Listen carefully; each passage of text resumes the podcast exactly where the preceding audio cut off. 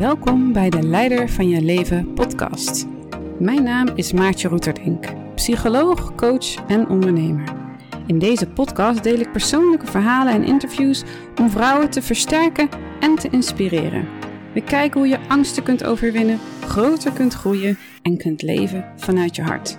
Veel luisterplezier!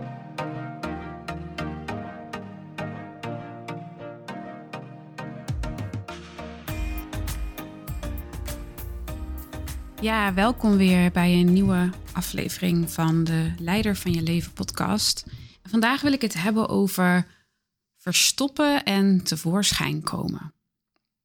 Want misschien herken je het wel in jezelf. In ieder geval, ik ken heel veel voorbeelden in mijn leven waarin ik mezelf heb geprobeerd te verstoppen. En waarom? Ja, blijkbaar vindt iets in mij het heel spannend om, om gezien te worden. En eigenlijk het meest heldere moment waarin ik dat waarnam in mezelf is toen ik ehm, mijn eigen bedrijf wilde starten. Ik weet het nog heel goed. Het was in 2008, als ik het goed heb. En toen moest je nog letterlijk naar de Kamer van Koophandel. En ehm, ik had al heel lang het verlangen om, uh, om mijn coachingsvaardigheden te gaan gebruiken om mensen te gaan helpen daarmee, om mijn eigen, wat ik in mezelf allemaal opmerkt, innerlijke ontwikkeling, bevrijding, om dat te gaan delen met mensen. Dat verlangen was heel groot, maar de angst ook. En ik, moest me toen inschrijven, dat was aan de Oranje Singel in Nijmegen, daar zat toen dat kantoor. En ik weet nog dat ik erheen liep en ik vond het zo eng. En ik voelde echt twee uh, soort van ikken in mezelf, of twee delen zou je kunnen zeggen. En het ene deel zei: Ja, ja, yes, je gaat het doen en dit is je droom. En eindelijk kies je ervoor. En het andere deel zei: Nee, nee, verstop je achter een struik. Dit is veel te spannend. En um, ik weet nog dat ik toen had ik al een beetje ervaring opgedaan met voice dialogue. Ja, dat is een methode waarbij je je innerlijke stemmen onderzoekt. Dus ik zag mezelf zo innerlijk en ik ik had echt het beeld van ik loop echt met twee ikken. Loop ik naar die Kamer van Koophandel toe. En ik voelde ze allebei. En ik dacht, oké, angst. Ik hoor je en ik, uh, ik begrijp je, maar ik ga niet naar je luisteren. Ik kies voor, voor mijn verlangen. Ik kies voor wat ik echt wil. En dat was een heel mooi moment uiteindelijk. En ik weet ook nog dat het ongemakkelijk was. Ik zat daar en dan vragen ze allemaal dingen zoals hoeveel wil je gaan verdienen? En ik had echt geen idee. Ik wist alleen, dit is nu de eerstvolgende stap. Maar ik denk dat het heel belangrijk is dat je kunt gaan voelen als er een verlangen is, iets dat je wilt overwinnen. Vaak als het echt belangrijk voor je is, in ieder geval in mijn ervaring, komt er dan ook angst bij wat als het niet gaat lukken? Misschien dat ik het wel niet kan. Wie ben ik om dat te gaan doen? Um, maar om. Uh, het verlangen moet groter zijn dan de angst om die stap te kunnen, kunnen zetten. Dus eerst moet dat verlangen heel helder zijn van waar wil je heen? Um, en als het verlangen sterk genoeg is, dan pas kun je die stappen gaan zetten en dan heb je moed nodig. En moed is ook iets dat je kunt kweken, zeg ik altijd. Moed is als een soort spier. En elke keer als je moedig bent, wordt het makkelijker om de volgende keer weer moedig te zijn. Ik herinner me ook nog heel erg in het begin van mijn relatie dat ik het zo moeilijk vond om dingen uit te spreken. Om echt aan te geven wat ik lastig vond, waar ik mee worstelde. Ik hield dat allemaal binnen, want ik wilde nooit een conflict. En, uh, maar op een gegeven moment werd die innerlijke druk gewoon te groot. En dan ging ik toch zeggen: en dan wist ik, oh, dit gaat ongemak veroorzaken. Maar dan was ook het verlangen groter dan de angst uiteindelijk. Het verlangen om wat ik voelde, om daar woorden aan te geven. Of het verlangen om eigenlijk juist dieper in contact te zijn. Um, maar wat ik dan altijd heb gemerkt is, het ego vindt dat niet leuk. Het ego vindt dat niet relaxed. Die is, die is gewoon gericht op veilig houden. Uh, klein houden. Um, zou je dat wel doen? Um, en dat komt in zoveel facetten komt dat terug. Um, ik weet ook nog dat ik toen ik met Leider van je leven begon, precies weer hetzelfde verhaal. Er was die angst en er was dat verlangen. En het is bijna een soort van.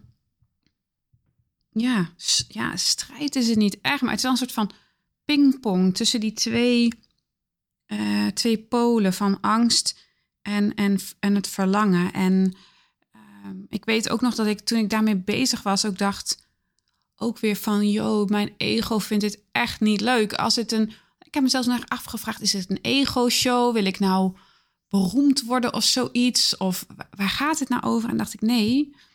Want als ik naar mijn ego luister, die zou zich liever verstoppen en nooit voorschijn komen. En leider van je leven gaat juist over tevoorschijn komen. Dus dat hele pad van mij is eigenlijk op zich echt een pad van, van heling. Ik heb echt gevoeld, ja, of, of leider van je leven nou een succes wordt in de buitenwereld of niet. Het is uiteindelijk is het mijn eigen heling uh, primair en daarmee hopelijk ook heling voor anderen. Om ook die angsten te overwinnen, om ook tevoorschijn te komen, om ook zichtbaar te zijn en met eigen kwaliteit te mogen ja, shinen en naar buiten komen.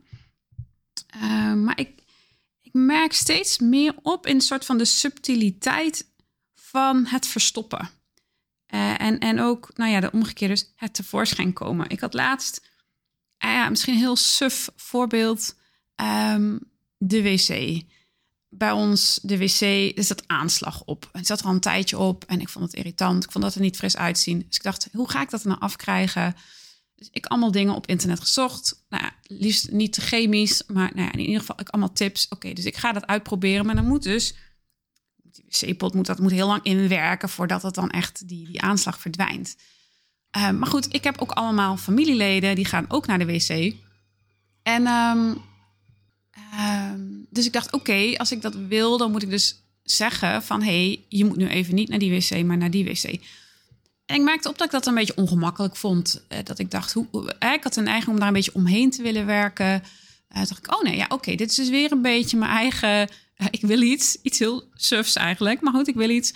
Die wc-pot wil ik schoon. En dan moet ik dus even uitspreken dat ik dat wil en daar ruimte voor maken. En, maar goed, het moest twee keer en drie keer en vier keer, want het ging er niet zo makkelijk af. En elke keer merkte ik weer op, oh ja, dan moet ik dus elke keer weer gaan even die wens uiten. En even gaan staan voor die wens, hoe simpel ook. En eigenlijk vragen, wil je, rekening, wil je hier rekening mee houden? met waar ik mee bezig ben. En het is heel gek, maar het was echt een soort, die hele wc-pot was eigenlijk een soort groeiproces. En dat ik steeds dacht, oké, weer zeggen, het weer zeggen, blijven zeggen. En het zit natuurlijk in veel meer dan, dan een wc-pot. Maar ik ben er gaandeweg achter gekomen dat ik geneigd ben om mijn mond heel vaak te houden. Om te denken, laat maar zitten. Om het lastig te vinden om aan anderen te vragen om rekening te houden met mij. Omdat ik zo jarenlang altijd een aanpassers, aanpassersrol heb, uh, heb geleefd. En dus elke keer uh, merk ik, ik ben er echt mezelf in gaan trainen van als ik een neiging heb om iets binnen te houden, om het toch te zeggen. Gaat allemaal hele kleine dingen, iets waar ik me erger in huis. Ik heb neiging om het in te slikken, denk ik. Ik zeg het toch. Ik zeg het toch. En, en bij sommige dingen het juist niet te zeggen. Bijvoorbeeld laatst hadden we ochtends, nou ja, kinderen naar school. Dat is altijd een heel gedoe. En een van de rugzakken was uh, blijven liggen bij een vriendinnetje van mijn dochter. En mijn man die pakt een vervangende rugzak die ik zelf heel erg lelijk vind. En mijn neiging is dan om te zeggen, pak maar even iets anders. En, en dat was weer zo'n moment dat ik dacht, nee, oké, nu moet ik mezelf even gewoon afremmen. Want dit is zijn keuze, dit is zijn manier. En als ik alles ga lopen micromanagen, dan wordt het, uh, ja, dan wordt het heel uh, onhandig en heel ongezellig. En dan uh, is het ook niet meer in balans. Dus het is denk ik met uitspreken, of ja, hè, tevoorschijn komen, zit ook in uitspreken, zit ook in je stem gebruiken. Het is wel onderscheiden van wat is nou tevoorschijn komen en wat is eigenlijk gewoon controleren. Want ik denk dat wij vrouwen ook de neiging kunnen hebben, nou in ieder geval ik zelf, ken dat, om dingen te willen uh, beheersen, sturen, controleren, omdat we denken dat onze manier de beste manier is. Een voorbeeldje is, dat hoor ik ook van veel vrouwen, hè, van als de man dan de kinderen aankleedt, dat ze dan denken, hè, wat een gekke kleurencombinatie, of hoe komt hij daarbij? En, en tegelijkertijd zijn dat ook de dingen om, om los te laten, om niet overal uh, bovenop te willen zitten. Dus ja, het is heel belangrijk om te kunnen vragen: wil jij rekening houden met mij? Ik denk dat het daar op neerkomt. Uiteindelijk, als ik kijk naar mijn proces, gaat het erom mezelf belangrijk genoeg vinden, mezelf waardevol genoeg vinden. Eh, echt eigenwaarde voelen. Ik denk, in ieder geval bij mezelf is dat vaak gewoon te laag geweest. En vanuit te lage eigenwaarde is het heel lastig om een heleboel dingen te doen. Zoals tevoorschijn komen, vertrouwen hebben in je verlangens, moed hebben om je verlangens te volgen, uh, gaan staan uh, voor jezelf, gaan staan voor je eigen waarde, ook je financiële waarde, uh, maar ook gewoon zelfzorg, hè, jezelf het gunnen om, om te ontvangen, op welke manier dan ook, jezelf te gunnen om jezelf mooi te kleden of je huis mooi te maken of jezelf te gunnen om een dag vrij te hebben. Um, en dat is wat ik zo.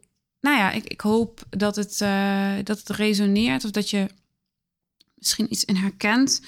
En ik denk dat het, dat het dus begint uh, bij eigenwaarde en bij uh, een verlangen hebben.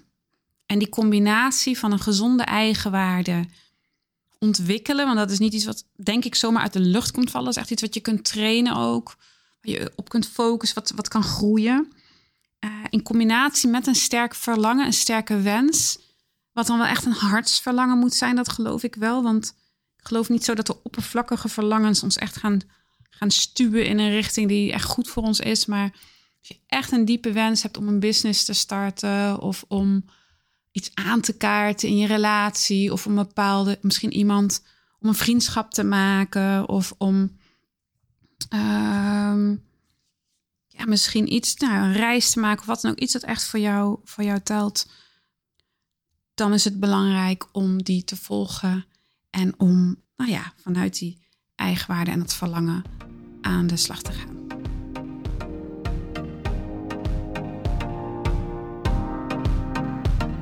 Heel erg bedankt voor het luisteren. Wil jij meer weten?